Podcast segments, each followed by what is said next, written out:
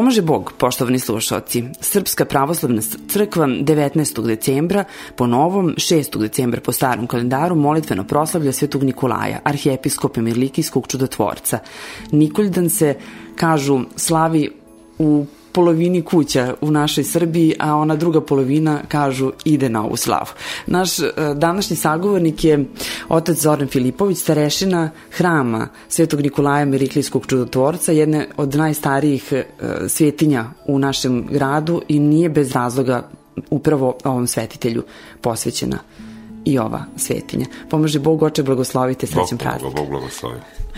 Eto, e, možda da počnemo baš od, od te činjenice i puno smo govorili o svetom Nikoli svakako, ali e, da pođemo od te činjenice da je upravo jedan od najstarijih hramova u našem gradu posvećen Svetom Nikolaju. On upravo upućuje i na činjenicu koliko je ovaj divni Božji ugodnik važan i bitan Nišlijama. Tako je, tako je. Sveti Nikolaj je bio slavljen širom vaseljene, još od svog predstavljenja u četvrtom veku i e, kao brzi pomoćnik, kao zaštitnik onih koji su potrebiti je zbog svoje velike pastirske ljubavi koju je imao i kao episkop i velike slobode pred prestolom Božijim u svojim molitvama, on je iskustvom verujućih ljudi, naroda hrišćanskog, bio veoma, veoma poštovan i slavljen svuda, ne samo kod nas, eh, ne samo tamo u Maloj Aziji, dakle, nego sve do Arabije i Egipta.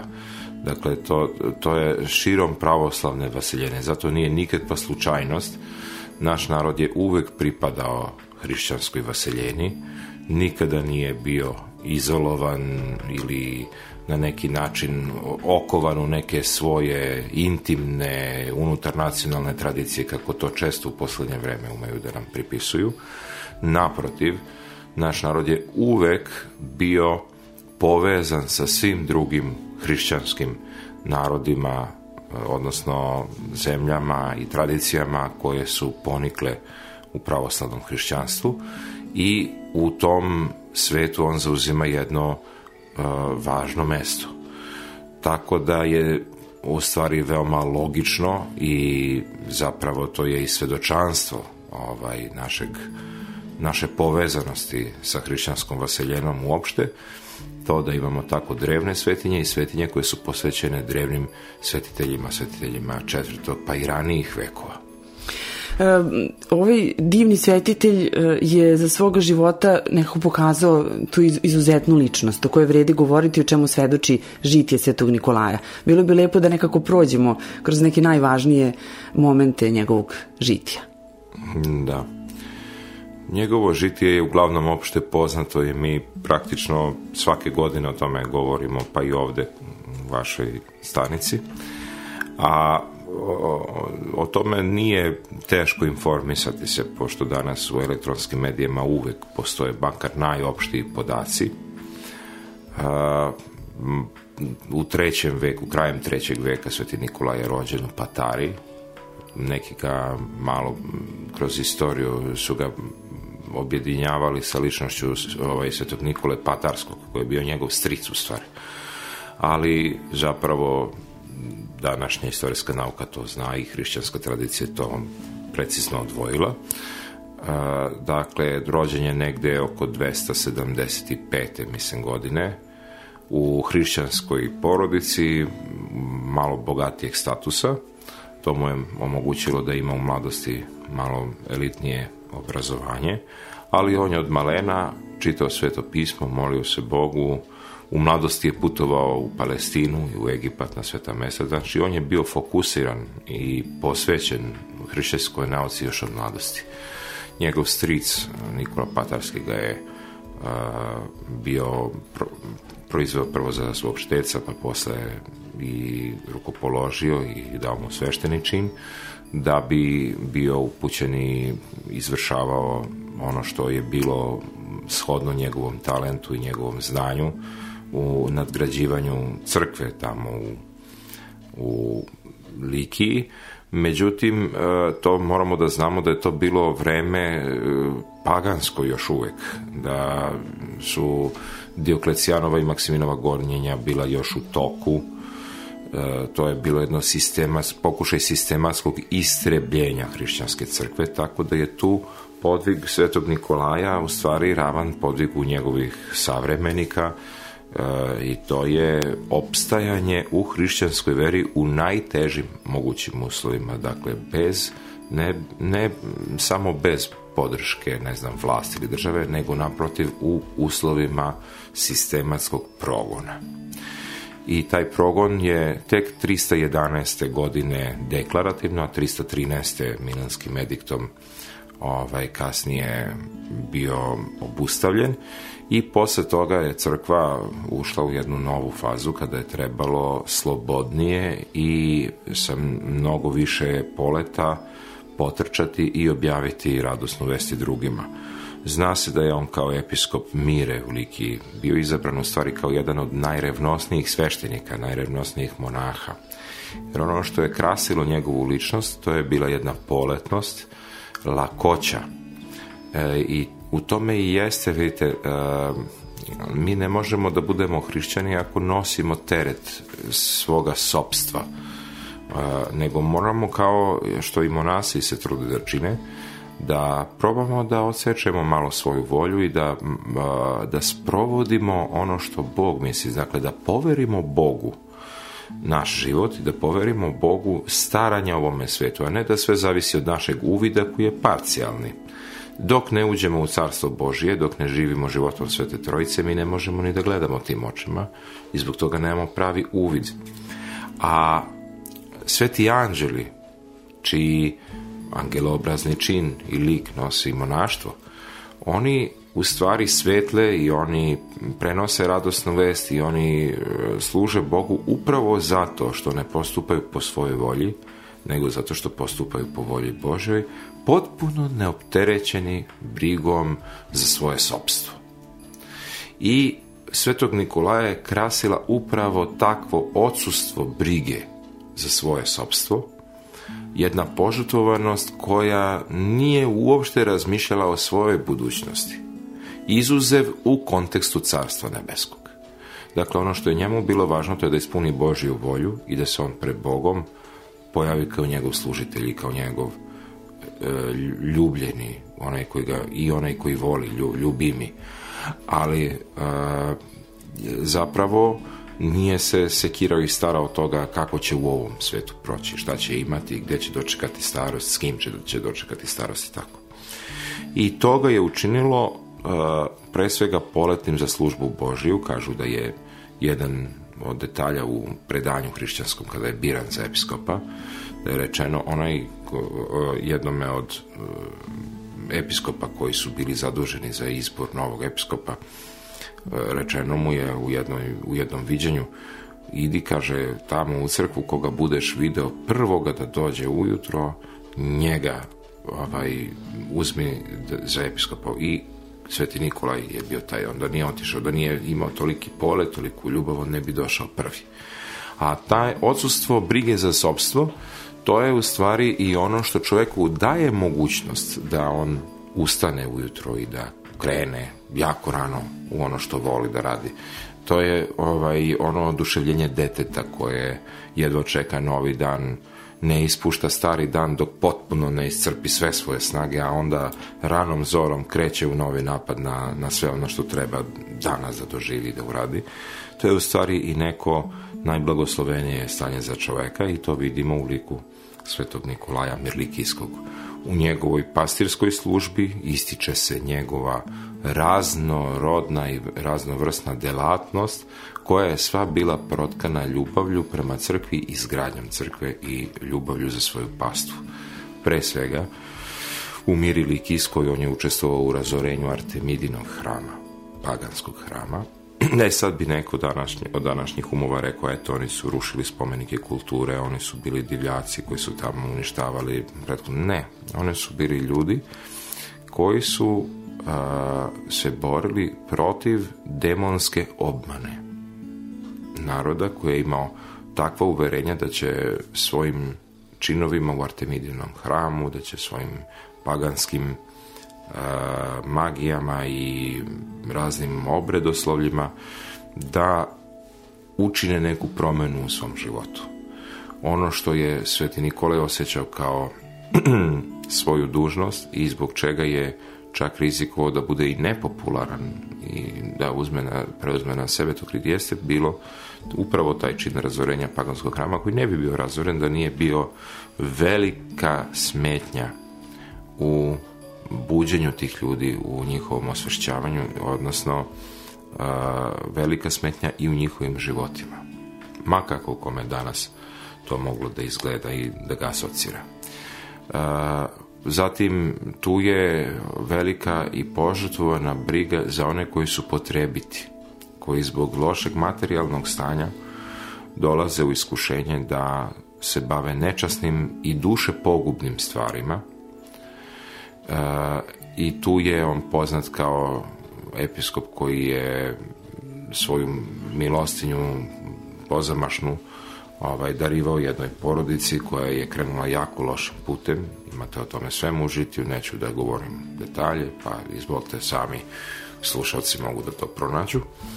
Ovaj, od čega je kasnije u tradiciji i za šta se povezuje darivanje ovo za Božić koje imamo. Uh, i ona čarapa koju kače tamo pored dimnjaka na zapadu i šta ja znam.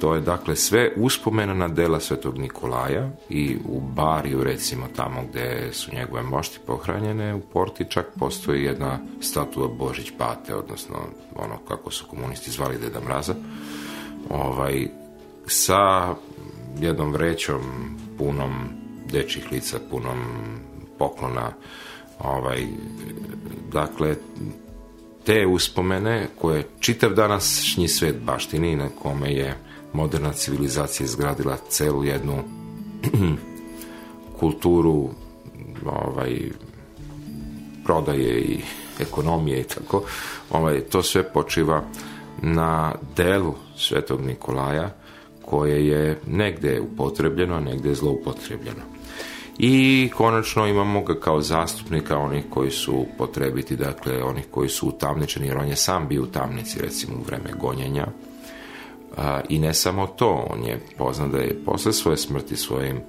javljanjem jednom carskom službeniku uspeo da oslobodi ljude iz tamnice koji su nepravedno bili osuđeni na smrtnu kaznu i onda je car eh, preispitao, taj upravnik je preispitao svoju odluku, doveo druge svedoke, malo bolje obratio pažnju i uvidelo se da ljude treba osloboditi. Spasao ih je sigurne i nepravedne smrti. Tako da se on pokazuje delateljem eh, raznovrsnih delatnosti koje su na korist ljudi, na korist sebe, koje brinu zapravo o njihovom blagostanju i spasenju.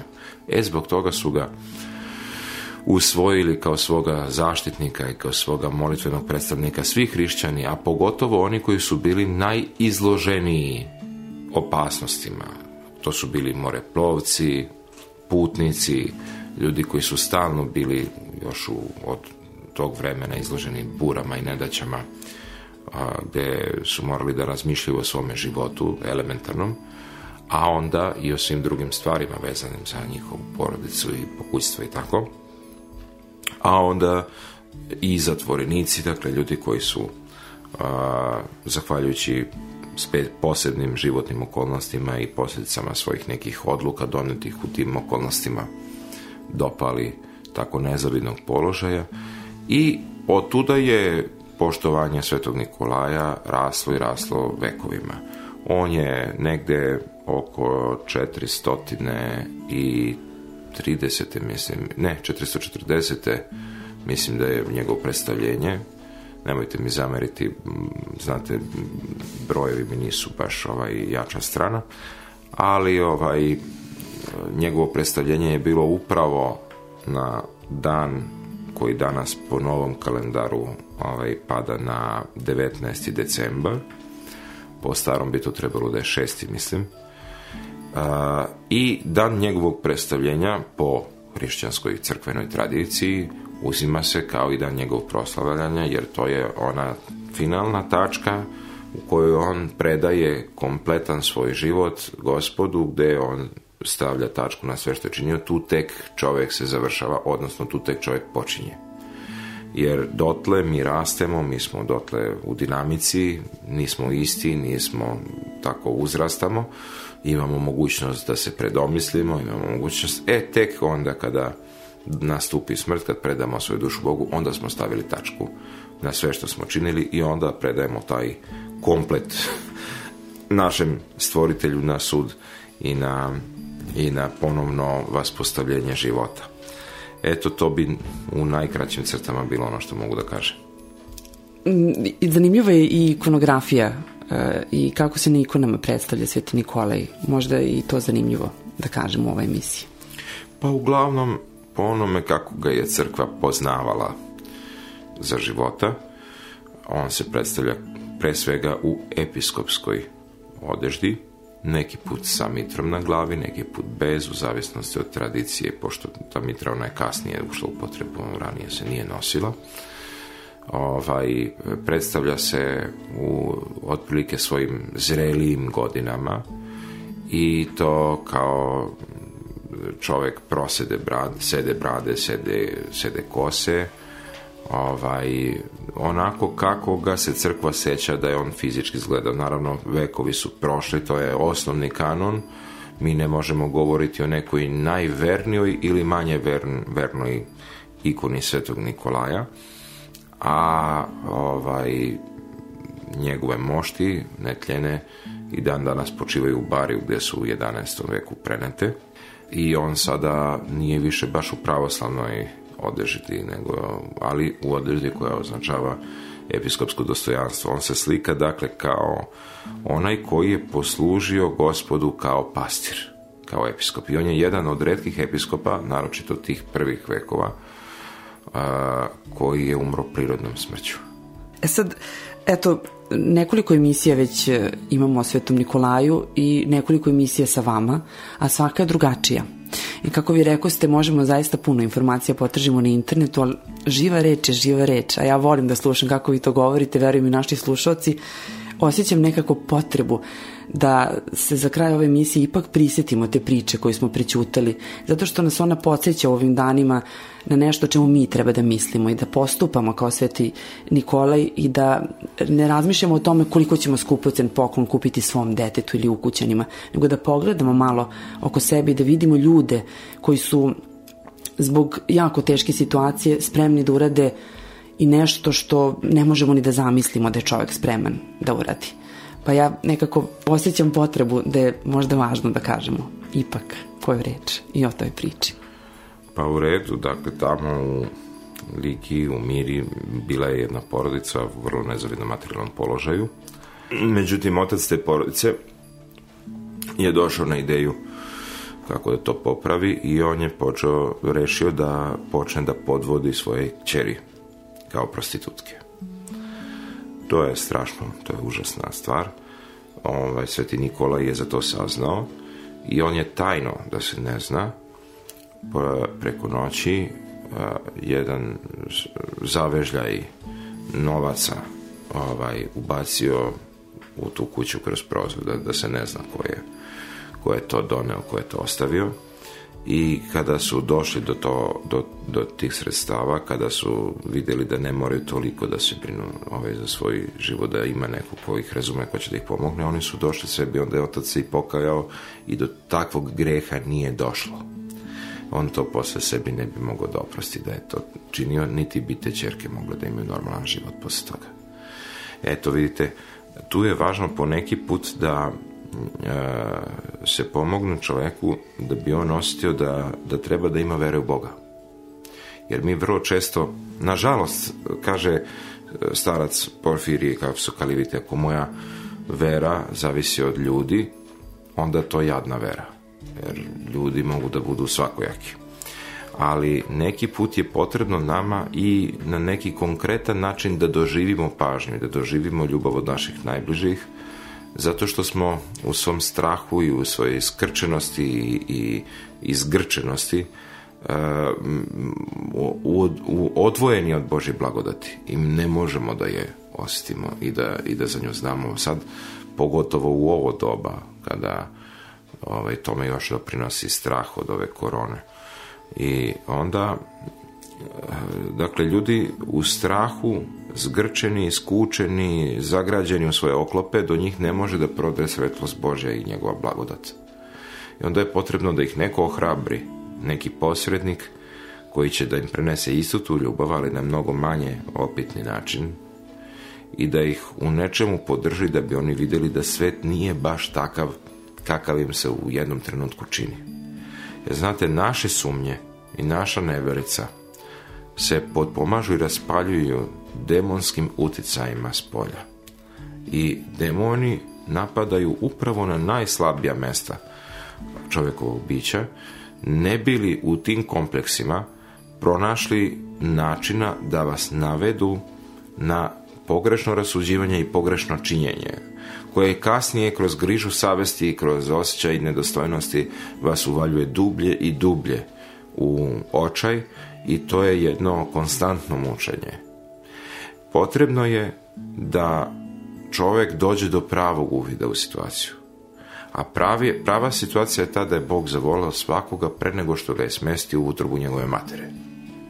E to čovjek ne može da pojmi, ne može da vidi u ovom svetu. On misli sad da će jedan virus da ga uništi, da obriše celu civilizaciju, a ne vidi Boga koji je tu civilizaciju stvorio. Znate, mi kažemo, boj se Boga. Kaže, ja Boga ne vidim. Pa ni virus ne vidiš. Ali e, e, e u tom kontekstu, evo vam još jednog primjera. Rekli ste, pola kuća slavi, pola kuća ide na slavu. Posle korone je pola od pola koji slave i pola od pola onih koji idu na slavu. Dakle, tu se ne radi o tome da li ćemo mi ići u goste ili, se ne, ili nećemo ići u goste nego se radi o tome hoćemo li uopšte otići u crkvu, hoćemo li uopšte prerezati kolač, hoćemo li uopšte e, proslaviti Svetog Nikolaja onako kako je to dolikovalo i kako je to naša tradicija. A zašto bismo to radili ako nam ne dolaze gosti? To je odgovor koji vrlo često ovaj, dobijamo. I vidite, e, to bi bilo isto kao kad bi se čovjek pitao ako ove nedelje je na odmoru, da li onda baš nužno da se kupa ili da se češlja ili da pere zube. Znate? Jer e, poštovanje svetinje, poštovanje svetog Nikolaja poš, ili m, uopšte krsne slave, odlazak u crkvu, pričešće, post, to su stvari koje mi činimo zbog sebe.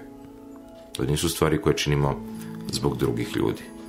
A onda kada nemamo poštovanja prema sebi, mi ne možemo da imamo poštovanja ni prema drugome kako da onda mi, poput Svetog Nikolaja, možemo ikome da posvedočimo ljubav Božiju, ako mi sami u tu ljubav ne verujemo? Ako mi verujemo da se nećemo zaraziti u Lidlu, u Ideji, u Maxiju, u Tempu, u tržnom centru, na stop shopu, u svojoj fabrici gde radimo, e, u svojoj banci gde radimo, a verujemo da ćemo se zarazati u crkvi U čemu je onda tu problem? Problem tog neverovanja, te zgrčenosti, tog straha, potrebe za preživljavanjem, brige o svom sobstvu. To je ono što nas odvraća od milosti Božije, od njegove blagodati, što nam je uskraćuje i što nas uskraćuje za milost i blagodat prema drugima. Ljudi koji su osjetljivi, oni to vide, oni to osjećaju, njih naša hladnoća pogađa, njih naša hladnoća čini e, još hladnijima, još uplašenijima, još zgrčenijima i sutra sposobnima za takva e, duše pogubna dela prema sebi i prema drugim ljudima. I onda je lako moralesati. Moralesati u smislu osuditi, dati etiketu čoveku, e, naročito ako ste ako ste za to plaćeni ako ste član neke nevladine organizacije ili radite na medijima i tako. Ali imati razumevanja za čoveka ne može niko ko nema vere u Boga.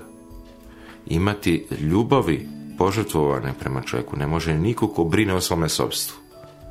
I tu je primjer svetog Nikolaja za nas najvažniji možda danas To je primjer angeloobraznog života. Života koji ne brine o sebi, o svom rejtingu, o svom statusu. Znate, postoje neki ljudi ovde u Srbiji koji svakog dana prate svoj rejting i koji samo na tome grade istinu o sebi, o svojoj okolini, o svojoj porodici, o svojoj državi i tako. A, a ono što je hrišćanski, to je da ti ne brineš o rejtingu, kao ni sveti Nikolaj što nije brinuo kada je srušio Artemidin hram, da ne brineš o svome sobstvu kao što on nije brinuo o tome kada je davao, kada je ovaj, ne zbog rejtinga davao, znate, za gospodina. Nego tajno. Milion, dva, tri, ne znam, hiljadu, dve, tri i tako dalje.